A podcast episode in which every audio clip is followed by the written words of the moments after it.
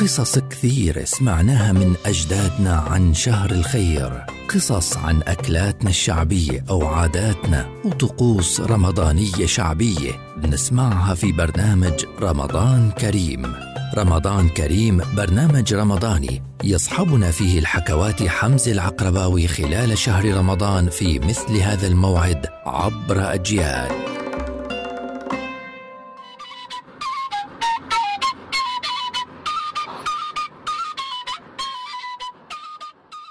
رمضان كريم.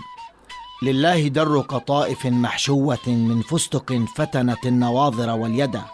شبهتها لما بدت في صحنها بحقاك عاج قد حشين زبرجدة طبعا يا جماعة بدهاش حكي القصة. القطايف أساس الحلويات برمضان. رغم منهم جماعتنا بيقولوا البقلاوي باشا الطعام. والجنافي ست الحلوى إلا إنه رمضان لما بيجي بيجيب معه القطايف. والقطايف قطايف بجبنة ولا بلوز ولا بجوز ولا بفستق ولا بعجوة. فتشونا من طوشة كل سنة. القطايف بتظل قطايف. ومن الآخر الشغلة أذواق ومذاق وصحتين وألف عافية. واللي بوشل على ضرسه بنفع نفسه. أقول وقد جاء الغلام بصحنه عقيب طعام الفطر يا غاية المنى.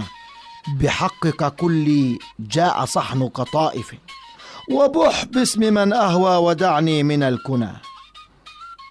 عزمت الشعراء إنه الجناف النابلسية ست الحلوى اتكاتلت هي والقطايف مين أفضل ومين أحسن برمضان.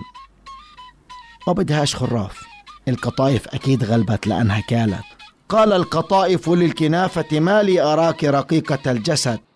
أنا بالقلوب حلاوتي حشيت فتقطعي من كثرة الحسد.